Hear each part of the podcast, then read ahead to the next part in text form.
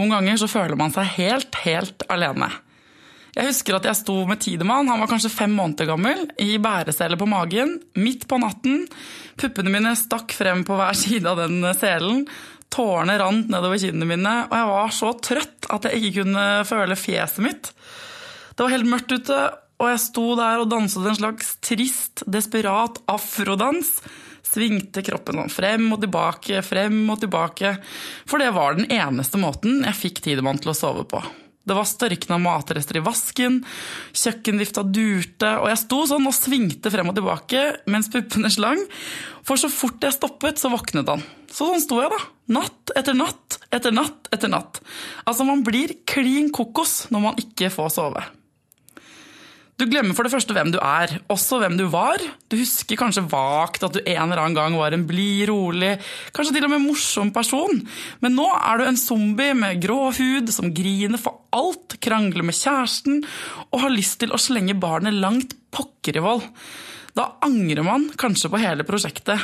Man googler seg gjerne i hjel, går på smell etter smell eh, på babybutikker og kjøper sånne elektroniske dingser som spiller bølgelyd for ungen oppe i vuggen.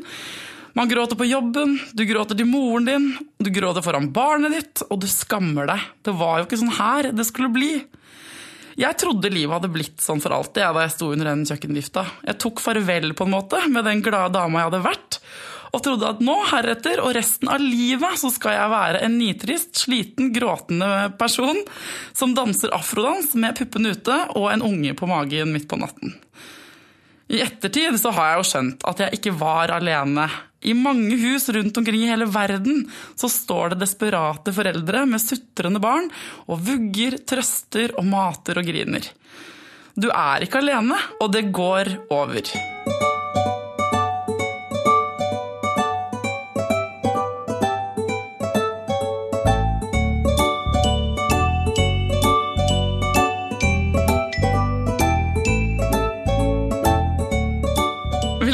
Til Foreldrerådet. Denne podkasten er for oss med kids, oss med barn. Vi som elsker dem og snuser på dem så ofte vi kan, men som også blir drittlei og skikkelig irritert av dem. Enten du har en helt fersk, nyklekka liten baby, er på fjerde runde, kanskje har du tenåringer, bonusbarn eller barnebarn. Hit inviterer jeg folk som kan mye, mye mer enn meg om disse tingene, så du kan få svar på det du lurer på. I dag handler det om søvn, eller mangelen på søvn egentlig, og jeg sitter her sammen med hun som redda meg fra søvnløse netter. Hjertelig velkommen til Foreldrerådet, Karin.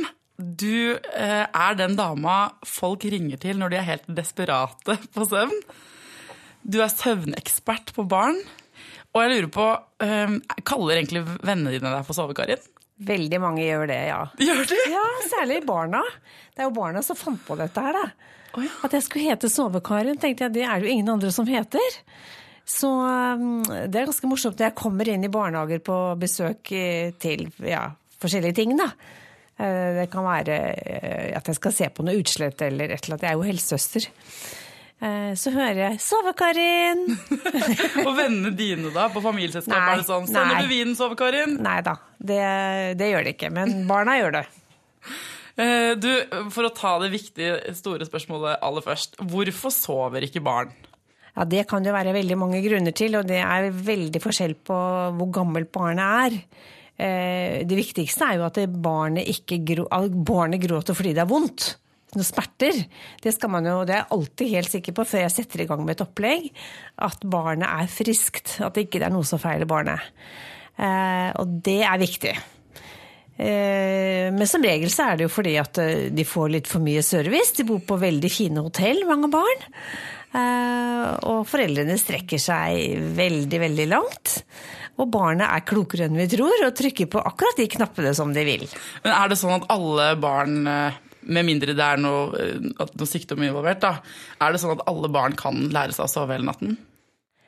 Jeg tror svaret er faktisk ja. Men det går i perioder, ikke sant. Det er ikke sånn at hvis barn sover hver natt et halvt år det er alltid, det er Sånn er det jo med oss voksne, vi sover jo ikke alltid hele natten, vi heller. Så, så drømmer man, og så opplever man ting, og så bearbeider man ting, og så Eh, går jo litt i berg-og-dal-bane. Da jeg skrev på Foreldrerådets Facebook-side at du skulle komme, så fikk jeg utrolig mange henvendelser. Du er veldig populær blant søvnløse foreldre spesielt. Så jeg tenkte bare jeg skulle egentlig eh, gi deg noen av deres problemer. Jeg begynner med Anniken, som har en tre uker gammel datter som sover masse eh, hele dagen. Hun ammer henne hver tredje time, og så sover hun nesten ingenting på natten. Og hun skjønner hun skriver jeg vet at man skal vente tre måneder før man kanskje begynner med sånne søvnrutiner. Men er det sant at man må vente til barnet er tre måneder? Det man vet, er jo at når barnet er tre måneder gammelt, så har barnet utviklet sin egen søvnsyklus. Så da er det systemet på en måte ferdig utviklet. Og mange foreldre sier til meg at eh, på den dagen de fyller tre måneder, så skjer det noe. Og Det har jeg opplevd veldig veldig mange ganger, og det har nok noe med denne utviklingen av søvnsyklusen å gjøre. Men jeg husker jeg gikk og ventet på den deadlinen og trodde at alt kom til å ordne seg eh, når barnet var tre måneder. Mm. For jeg hadde hørt nettopp det. Ja. Og det skjedde ikke. det skjedde ingenting.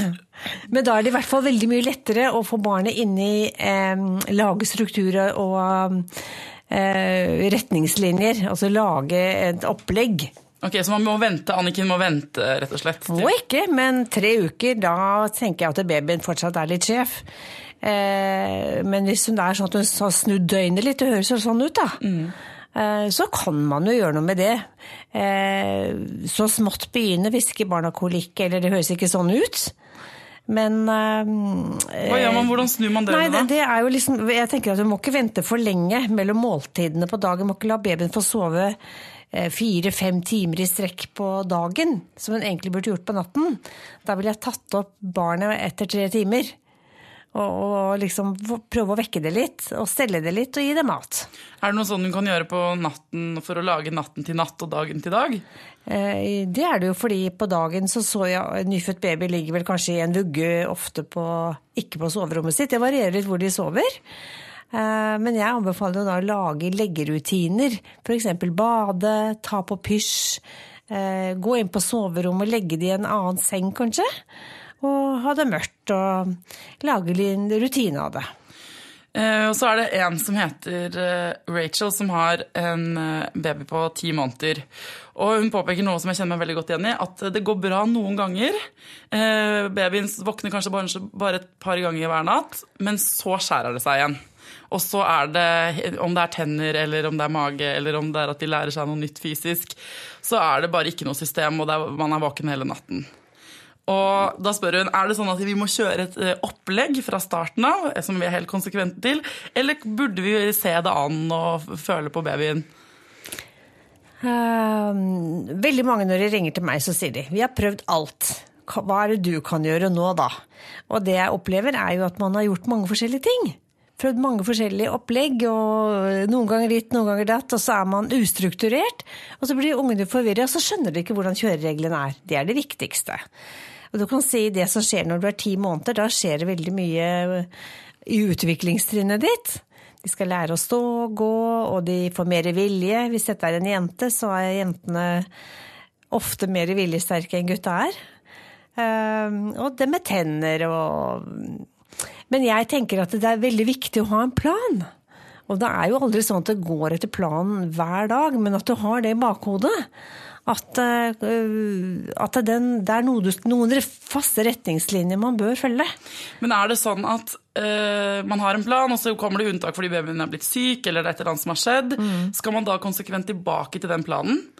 Ja. Når barnet er friskt, så, så er det tilbake til de rutinene du hadde. Rachel skriver også at hun syns det er veldig vanskelig å orientere seg i det landskapet med råd. Og hun ser at venninnene hennes som har søkt eh, hjelp da ringt til deg, f.eks., det er når de er helt utslitte, når de ikke har noe mer å gå på. Og hun mener hun skriver at det, synes det virker som litt dumt, for da er man jo allerede så sliten. Så når er det man burde begynne? Altså før man er sliten? Søk råd veldig tidlig, er mitt, mitt anbefaler jeg. For det er ofte så lite som skal til for å klare å snu et mønster. Eh, og ikke, jeg er ikke i tvil med at babyen skjønner hvor sliten foreldrene er. Helt klart, er det noe de er vare på, så er det vårt kroppsspråk. Så for all del, eh, søk råd før man er helt nede i gjørma. for å si det sånn. Så for en ti måneder gammel baby, det er flere som har barn på den samme alderen, hva er et, eh, liksom, et opplegg som kan funke? Hvis vedkommende ikke lenger får pupp om natten, f.eks. Ja. Hva gjør man? Eh, ja, For å begynne med leggetiden, da, så er det jo veldig viktig at man har et fast leggerituale. At man eh, roer ned den siste timen kanskje før barnet skal legge seg. Og en på ti måneder ville jeg jo lagt mellom et sted mellom kvart over seks og kvart på syv. Eh, Så barnet ikke tipper over og blir overtrøtt. Det er kjempeviktig. Det er en rød tråd i jobben min at barn legges for seint. Hvordan, man, eh, hvordan vet man det, da? Man tenker sånn at en halvtime frem og tilbake er ikke så farlig, men det er altså Nei, det er eh, ikke sant, igjen opp tilbake til den dagsplanen. Da. En ti måneder sover ofte to, klarer seg med to lurer på dagen. Eh, og den luren, den siste luren bør jo ikke da være fram til eh, halv seks, fem eller halv seks. Da får du ikke lagt ungen Hvis man velger det, så ok. Eh, da blir leggetiden litt senere. Og noen vil jo det fordi at far kommer sent hjem fra jobb, eller mor kommer sent hjem fra jobb, og så får de ikke noe samvær med barnet. Eh, Jeg pleier å si at må, det, er, det er foreldrenes problem, det er ikke barnets problem. For når barnet da skal begynne i barnehagen, ett år gammel, så må de faktisk opp eh, tidligere, og da må de legge seg tidligere. Så jeg er veldig for det å innøve gode sovevaner som kan overføres til andre situasjoner. Så Rachel og hennes baby på ti måneder eh, skal legge seg. Det skal legges mellom kvart over seks og kvart på sju. Hva gjør man? Ja, eh, da vil jeg, jeg pleier å anbefale å gi kveldsgrøten en time før man skal legge seg. Så du kan godt gi kve- kveldsgrøten sånn mellom eh, fem, kvart over fem, senest halv seks. For da får de fordøyd den grøten før de skal legge seg. Jeg vet det er veldig mange som stapper ungene sine fulle før de skal sove. For da tror de at de sover bedre. Men prøv det sjøl, da. Du sover dårlig når du legger deg på stappfull mage. Jeg har veldig god erfaring med å gjøre det på tidligere. Og så går man på badet etterpå. Bruker god tid på badet, og jeg anbefaler alle barn å bade hver kveld. At det blir en del av leggeritualet. Særlig hvis barna liker det. Det gjør de fleste barn, og spesielt eh, altså hvis barn har eksem, så blir det jo litt spesielle regler, men eh, det er jo spesialtilfeller. Eh, ta på pysjen. Eh, får da litt kos med en flaske melk eller pupp, eh, og kanskje titte i en bok. Eh, gjør akkurat det samme hver kveld, så barnet skjønner hva som skal skje. Og hvis jeg får tenner, så er det jo da inn og pusse tenner. Det er det siste man gjør. Og så rett i seng. Natta, alle barna sover, nå må du sove også. Ikke noe lesing og synging og sånn inni Kan godt synge en nattasang eller to, men ikke ti. Ok, det er viktig. Det er med streng. Og så skal man ha det mørkt og kaldt på rommet. Gjerne sette sprinkelsengen inni en krok, for da blir det tryggere og lunere, og sengebunnen på det laveste. For nå er barnet på vei Altså, nå er det ikke lenge før de skjønner at de kan hoppe over. Og hvis eh, da barnet våkner igjen i løpet av natten I dette tilfellet her så eh, skriver hun at eh, på en god dag så våkner han tre ganger i løpet av natten. Hva skal hun gjøre da? Står det noe om når han blir lagt? Eh, Det sto ingenting. Nei. Antageligvis så legges dette barnet for sent. Ok. Eller så er det barnet vant med å få en eller annen service på de faste tidene. Du kan nesten innstille barns oppvåkningstider etter hva slags service de får. Og de barna som våkner før midnatt, det er nesten alltid de barna som har blitt lagt for seint, eller de som får en type service. Hva slags service er det snakk om her, da? Eh, en flaske til, en sang til, eh, en bananbit, eh, en eller annen type service. Så det våkner rett og slett for å få den uh, treaten. Ja, ikke sant? For de vet jo det er ganske koselig det, å få litt mer oppmerksomhet. Så skal man, hva skal man gjøre da når barn gråter og vil, eh, og vil ha servicen sin? Eh, Da må man lage et opplegg som eh, Det er derfor jeg lager individuelle opplegg for familien, for jeg må være sikker på at dette klarer mor og far å gjøre. Jeg kan ikke si 'gjør sånn og sånn', og så sier de vet du, at dette her klarer jeg ikke. Og det er veldig mange måter til eh, å gjøre ting på. Det, det jo Men bare det som jeg vil si er at det, det foreldrene gjør i en leggesituasjon Om du sitter og holder i hånda, sitter og synger, hva du nå enn gjør, så forventer barnet at det samme skal skje når de våkner igjen. Hver gang de våkner. Det er for det forbinder de med å roe seg, med å sove. Så jo mindre mas man lager ved den situasjonen, jo mindre forventer Yes. de når de våkner. Derfor så tenker du at leggesituasjonen skal være en kort prosedyre, tydelig og klar, sånn at unger skjønner at ok, nå er det natta. Så enkelt, altså. Når man Ja, det er greit å si. Eh, når barnet ditt gråter Det har jo vært ganske omdiskutert, dette her. Jeg husker det fra min egen fortid som søvnløs mor. At eh, dette med skrikekur eller å la dem gråte og være streng og holde seg til planen og sånn, det føles jo helt forferdelig. Det er jo derfor man ikke vil gjøre det.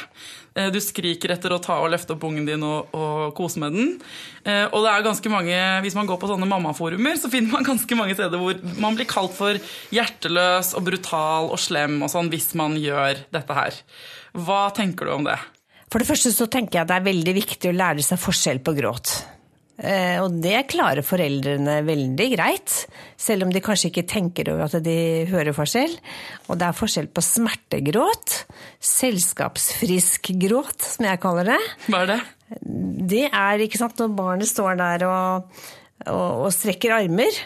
Og du tar det opp, og så begynner de å le når de kommer opp. 'Å, du, jeg klarte det, jeg. Det nyttet', ikke sant? Da lurer de deg, rett og slett? lurer de. De er klokere enn vi tror, vet du. Så hvis barnet er friskt, eh, har bæsja, for å si det sånn, hvis ikke de er trege i magen eller sliter med et eller annet, eh, så er det ingen grunn eh, Det er ikke noe farlig å la barn gråte fordi de er sint. Og alle barn reagerer jo på en endring, og det er jo helt normalt. Jeg syns det hadde vært helt unormalt hvis barn skulle finne seg alt mulig rart uten å si fra. Det er noen kritikere som sier at hvis man, at barnet liksom gir opp, at det resignerer, at det forstår at ikke det blir hørt, og det er så hjerteskjærende å lese når man er eh, søvnløs og sliten. Ja, jeg skjønner det. Eh, Jeg kaller Det er ikke noe som heter skrikekurer lenger, det heter jo trøstekurer. Ja, ok. Ikke sant? Du går jo inn, du, du kan gjerne sitte der. Eh, Jeg lager jo opplegg som sa, for, som foreldrene kan klare, om å gjerne sitte der. Holde hånda. Men på et eller annet tidspunkt så må du eh, slippe den hånda og trekke deg litt lenger og lenger unna. Det er to ting jeg tenker er veldig viktig, og det er å lære barn å finne søvnen selv. Uten mye stimuli og greier og greier og greier. og lære barn til å sove alene. Som, som de kan ta med seg videre opp i oppveksten. Barn skal ikke ligge og gråte alene over lang tid. Det sier jeg aldri. Eh, En som heter Ninni her, hun har en, eh, en baby på fem måneder som heter Philip. Og han våkner annenhver time på natten fordi han har mistet smokken. Og da må hun inn og putte inn smokken, og så sovner han igjen. Mm. Hva kan hun gjøre med det? Ja, det høres jo veldig slitsomt ut, og det er mange som har det problemet der. Eh, Jeg pleier da å anbefale kanskje bare å ha smokken i innsovningsperioden. Eh, Og ikke gå inn hver time og For det har noe med søvnsyklusen, ikke sant. Man sover lett, dypt, lett, dypt. Og da høres det ut som når han er oppe i den lette søvnen, så mister han smokken, og så våkner de. For da våkner man veldig lett når man er i drømmesøvn. Så da ville jeg bare gått inn og holdt på han og hysja han i søvn istedenfor å sette inn smokken hver gang. For da kommer du fort inn i noen sirkel, altså. For da, og da, for da venner hun, han seg til å sove uten eh, smokk? Er det du mener? Ja. Jeg husker at jeg ønska meg en sånn smokk man kunne teipe fast på fjeset til barnet Ja. mitt. For å unngå akkurat dette Før så hadde jo disse næresmokkene en ring. Og da var det noen som la en sånn liten tøybleie eller en klut i den ringen, sånn at den lå litt tettere inntil. Men det er ikke en mulighet, det der å Nei, man anbefaler jo ikke det. Nei. Um, og så lurer hun også på uh, hvordan får man babyen til å sove uten å rugge den frem og tilbake? Det er bare å la være. Også det kan være grunner til at barn må rugges i søvn. Eh, og det er kanskje noe de har eh, Hvis det er blitt en vane hvis barnet har hatt kolikk, eh, grått mye fra starten av, så, så skal den jo bysses og rugges. Det er det eneste som funker. Eh, og da venner de seg jo til. Da tror de jo det er jo det de forbinder med å sove. Eh, Så man kan eh, Jeg lager masse opplegg med dette her. At du må rugge mindre og mindre hver kveld. Stå og holde på barnet. Gjøre andre ting som får barnet til å roe seg. Så det handler om, det er en sånn myk vei fra å rugge, rugge kortere, rugge enda kortere, Ja. rugge bitte, bitte litt, Ja. legge det ned og Ja. holde på det, Ja. holde kortere, og til slutt så slipper du taket. Er det rett og slett en sånn, sånn rolig avvenning? Ja, den, den var veldig fin, den oppskriften der. jo, det er jo sånn jeg pleier å lage oppleggene. Men da må man tåle gråt. det kan jo også være Grunnen til at barn gråter Jeg er veldig opptatt av dette med refluks hos barn. Jeg jobber sammen med en barnelege som er kjempeflink på det. Jeg har lært så masse av henne. Hva er refluks? Refluks er den lukkemuskelen mellom spiserøret og magesekken som kan være umoden. Og når barnet blir lagt ned på ryggen, så får de sure oppstøt. Og de behøver ikke gulpe. Eh, mange fastleger sier også hvor lenge barnet ditt legger på seg og ikke gulper, så er det ikke refluks. Men så er det noe som heter stum refluks som kan være veldig plagsomt for mange barn. Hvordan vet man om barnet, barnet ditt har det, da? Nei, det er ikke sant, De barna har, de sover korte perioder. De sover ofte bare halvtimer. Eh, de tørster mye, fordi når de får melk, så nøytraliserer det magesyren. Noen av de kan være trege i magen, noen av de kan ha øre-nese-hals-problemer. Eh, hun Barnelegen jeg jobber sammen med, hun sier jo også at mye kolikk Altså kolikk skyldes refluksproblem. Men hva gjør man da, da? Da går man til doktoren og får medisin. Okay, det eller er det er jo egentlig veldig greit å få, uh, få, en, få avklart det, så vet man det. For disse barna de roer seg med en gang de blir tatt opp. Fordi da, det ikke sant, Når de blir lagt ned, så kommer syre opp. Er de oppreist stilling, så er de stille. Det kan jo forveksles med kolikk. Eller fysisk nærhet, eller hva det nå enn Eh, kan være. Så det er litt viktig å ha i bakhodet. Du, Så er det en jente her som lurer på eh, Hun har en eh, sønn på snart ett år. Ammer fortsatt på kvelden før han legger seg klokka sju. Et par ganger til med amming før klokken blir tolv på natten. Og så står barnet hennes opp klokken fem. Hvordan går jeg fra dette til å få sove hele natten? Jeg vil bare gjerne få amme han på kvelden og ikke før neste morgen, for han er vel stor nok til det nå? Et år? Ja. Absolutt. Absolutt. nå var du bestemt i blikket. Ja, ja, fordi at da nå har også sikkert mor begynt å jobbe igjen. Eh, og dette er sånn klassiske greier, ikke sant. Og det er jo sånn, Hvis de har begynt i barnehagen, så er jo det en stor endring for barnet. Og da vil kanskje mor gi litt ekstra trøst, fordi da er det endring på både mor og barn. Men det er veldig lurt. Dette er pappajobb, altså. Hvis det er en pappa der, så er dette en pappajobb. Og da er det vann. Så men, barnet skal få vann når det våkner?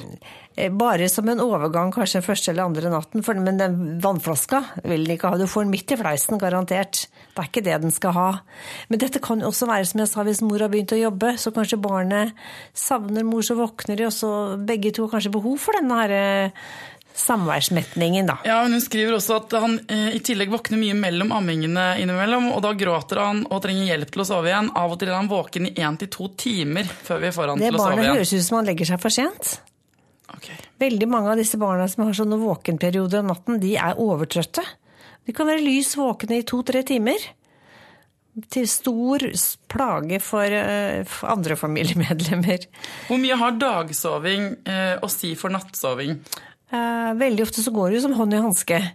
Eh, der er det litt forskjell på barn. De kan, men en ettåring bør sove ja, to til to og en halv time på dagen, men ikke etter kanskje kvart over to, halv tre, kanskje ikke etter klokken to. Og så legge seg halv sju. Halv sju. På slaget. Ti på halv sju noen ganger setter jeg også. noen ganger seks. Eh, en annen lurer på når barnet våkner klokken fem om morgenen mm. og starter dagen da, hvordan får man endret på det? Ja, Disse morgenfuglene som jeg kaller det, de er, de er de vanskeligste, men det går absolutt an å gjøre noe med det. Det viktigste er jo det som skjer sånn fysiologisk, da, er at eh, kroppen din har ligget i en slags dvale om natten, og så starter maskineriet mellom fire og seks en gang. Og så er du oppe i veldig, veldig lett drømmesøvn, så du våkner veldig lett av lyder som postkassa eller fuglekvitter eller hva det nå er, sola som står opp, eller Så er det veldig vanskelig å få dem til å sove igjen. Eh, det som går igjen på disse morgenfuglene, er at barnet ikke må få sove for sent på ettermiddagen, eller legge seg for sent om kvelden. Og så må de ikke bli tatt opp. Hvis de blir tatt opp klokka fem og ser på TV, ok, da har de gjort det. Da våkner de klokka fem hver dag, da. Men skal man da ligge og høre på barnet sitt gråte? Nei, nei. nei. Eh, jeg pleier å anbefale å ha en madrass inn på barnerommet. Så bare gå og legg deg der, og så si 'hysj, det er natta'. Og så ligger du der, for da føler de seg ikke forlatt. Eller bare gå og si i døra. Kommer litt an på hvor store de er, altså. En fireåring ville jeg ikke gjort det, kanskje, men uh, det er mange måter å gjøre det på. Men det er veldig negativt for et barn å stå og gråte fra fem til seks, altså. Eh, Det man kan gjøre, er å f.eks. drøye ti minutter eller et kvarter lengre hver morgen før du går inn og sier at det er morgen. Ikke sant? Skjønte du hva jeg mener? Ja. Jeg, jeg bare tenker på at jeg selv kapitulerte eh, på akkurat det punktet og sto opp klokken fem i de første to årene av mitt Ninsens-liv. og jeg tenker nå at jeg nok hadde da hatt det mye bedre hvis jeg hadde latt han drøye det på morgenen. Det er klart det. Mm. Eh, og det er slitsomt for barnet å stå opp klokka fem, og kanskje ikke få sove før halv tolv i barnehagene. Det er kjempelenge å være våken for det. Eh, så dette er eh, noe man kan jobbe med. Fins det sånne babyer man kaller sovebabyer? Eksisterer de på ordentlig? Ja. Eller er det foreldrene deres som gjør noe riktig? Nei, du er nok født med forskjellige sovehjerter. Helt klart. Noen barn er, kan, sier jo er sterke, viljesterke og fra, det, fra dag én. Mens andre er jo rolige. Her, det- Man er født med forskjellig personlighet. Eh, Er det eh, stort sett foreldrene som har skyld i at barna ikke sover, eller er det barna som bare er forskjellige? Det er aldri barnas skyld. Jeg sier Så det det sånn, var, jeg. det var diplomatisk. Så det var jeg. Det er faktisk sånn at de foreldrene med sovebabyer gjør en bedre jobb. Nei, det er ikke å si at jeg gjør en bedre jobb, men de kanskje har et roligere barn som er født med en annen personlighet. Um, Jeg har selv tre barnebarn, tre gutter, som er veldig forskjellige. Uh, Og det er klart at de må takles på forskjellige måter. Så det er jo litt som en utfordring til foreldrene. Ja. Nå tester jeg for meg at vi inspirerer mange eh, trøtte foreldre til å teste et sånt opplegg. Eh, Hvordan eh, går man frem? Hvor viktig er det å ha en plan, f.eks.? Uh, Det jeg opplever, er at der hvor det er både mor og far, så bør de være enige. Og motiverte er de jo alltid når de kommer til meg, da. Og så må de være ganske konsekvente. Ikke sant? Sånn at de ikke far gjør én ting og mor gjør en annen ting. Eh, Vi gjør jo ting forskjellig, vi er jo to forskjellige mennesker. Men at retningslinjene på en måte er like. Og så er det og det jeg opplever òg, er når foreldrene har bestemt seg. Og sier til barna vet du, dette her, hvis du skal bo her sammen med oss, så- må det bare være sånn. Og da, det kroppsspråket, det skjønner barn så godt. Og da går det så mye lettere. Men du må tro på det selv og tenke at dette skal jeg klare. Eh, no, no way. Altså, nå er, nå er jeg så, nå, dette orker jeg ikke mer. Dette skal jeg klare. Og så går man på med godt mot, og man gjør alt det man skal, og så begynner barna å gråte, og så klarer man å holde seg unna eller gjøre alt riktig i forhold, til planen. Men et eller annet sted utpå natten så begynner man å tvile på om den planen egentlig var en god idé, og om det egentlig er kjæresten din sin feil at ikke det funker, eller om det kanskje er noe gærent med barnet likevel. Og så får man eh, dukker disse kommentarene fra alle forumene man har vært på, opp i hodet, og man føler seg som en dårlig mor eller en dårlig far. Hva skal man tenke på da for å holde seg til planen? Da skal man bare gjøre så godt man kan. Det sier jeg til alle, for gjør så godt du kan. Og klarer du ikke eh, å gjennomføre akkurat det du hadde tenkt, den første natten eller andre natten eller tredje natten, ok, så gjør så godt du kan. Så bruker man bare litt lengre tid. Men det, det som eh, Hvis det er en som ønsker å slutte å natta med, da, så har jeg jo ofte det spørsmålet at det holdt ut helt til klokken var fem. Men da hadde den jo klart seg uten pupp hele natten til fem. Men barnet vet ikke hva klokka er. Ikke sant? Det er ganske viktig. For da tror de ok, da har den våkna kanskje tre, ett, elleve, for å spørre er det nå jeg skal få pupp. Og så plutselig så får de pupp klokka fem, og så skal de sove igjen. Og så det er noe med å være konsekvent og tydelig. Tydelig sånn at barnet skjønner hvordan dette skal være. Hva gjør mangel på søvn med folk? Eh, For barn så er det Jeg tenker det er ganske urettferdig. For barna de kan ikke si fra de hvorfor de er grinete og klengete og, og sure dagen etterpå. Mens vi voksne kan faktisk si det, at i dag er jeg i dårlig humør, for jeg har sovet så lite i natt. Så jeg tenker at det er foreldrenes oppgave å lære barna til å få en god natts søvn. Jeg sier det, altså. Og så er det noe med å ta vare på seg selv oppi dette her. Det går jo utover parforhold, konsentrasjonen din, jobben din, eh, appetitten din, samvær med andre. Det går faktisk utover det meste. Og noen, det er gjort undersøkelser på at eh, hvor depressive småbarnsmødre kan bli av for lite søvn i barnets første halve innen barnet er seks måneder. Du, du kan havne i en depresjon av for lite søvn. Søvn blir jo brukt som torturmiddel. Lykke til. Du skal ut og redde som en slags superhelt, ut og redde en ny søvnløs småbarnsfamilie. Tusen, tusen takk for at du kom til Foreldrerådet.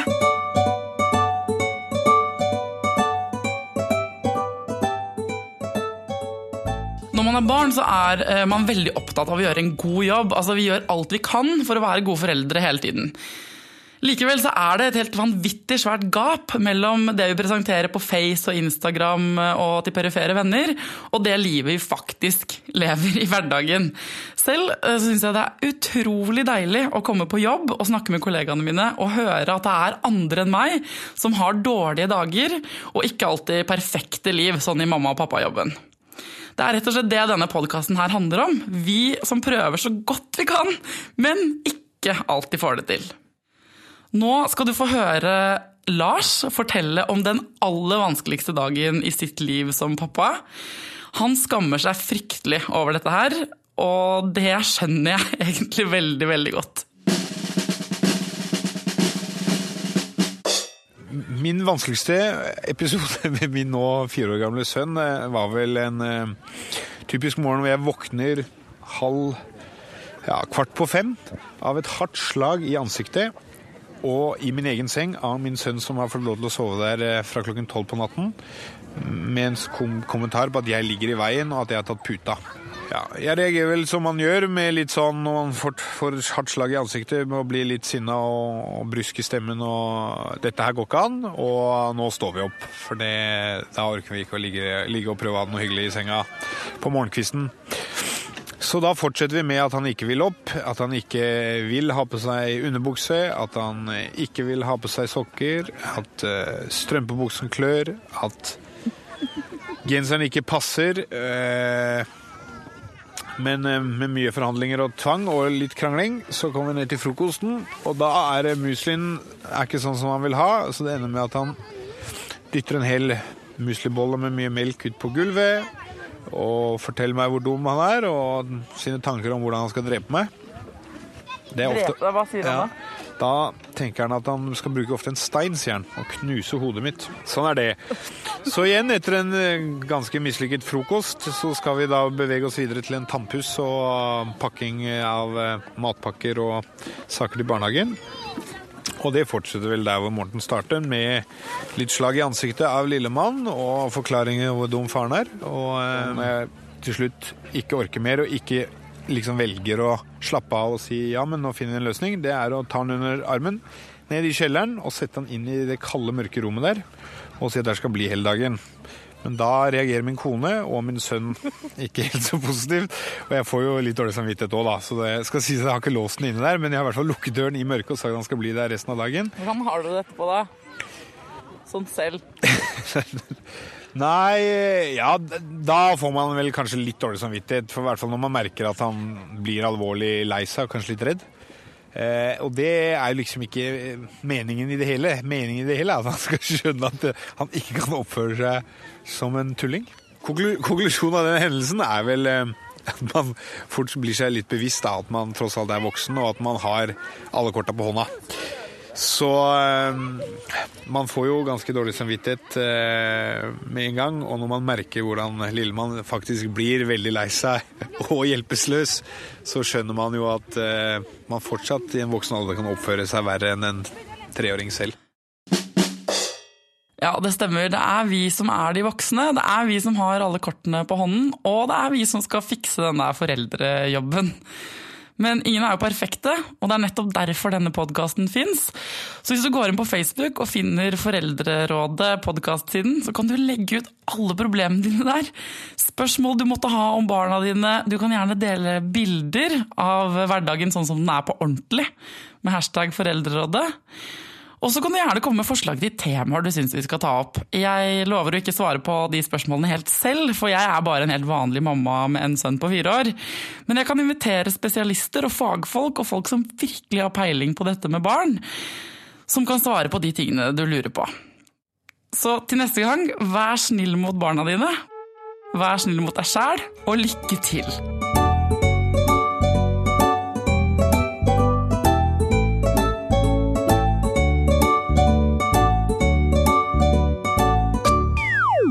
de over auf Rubicon Radio.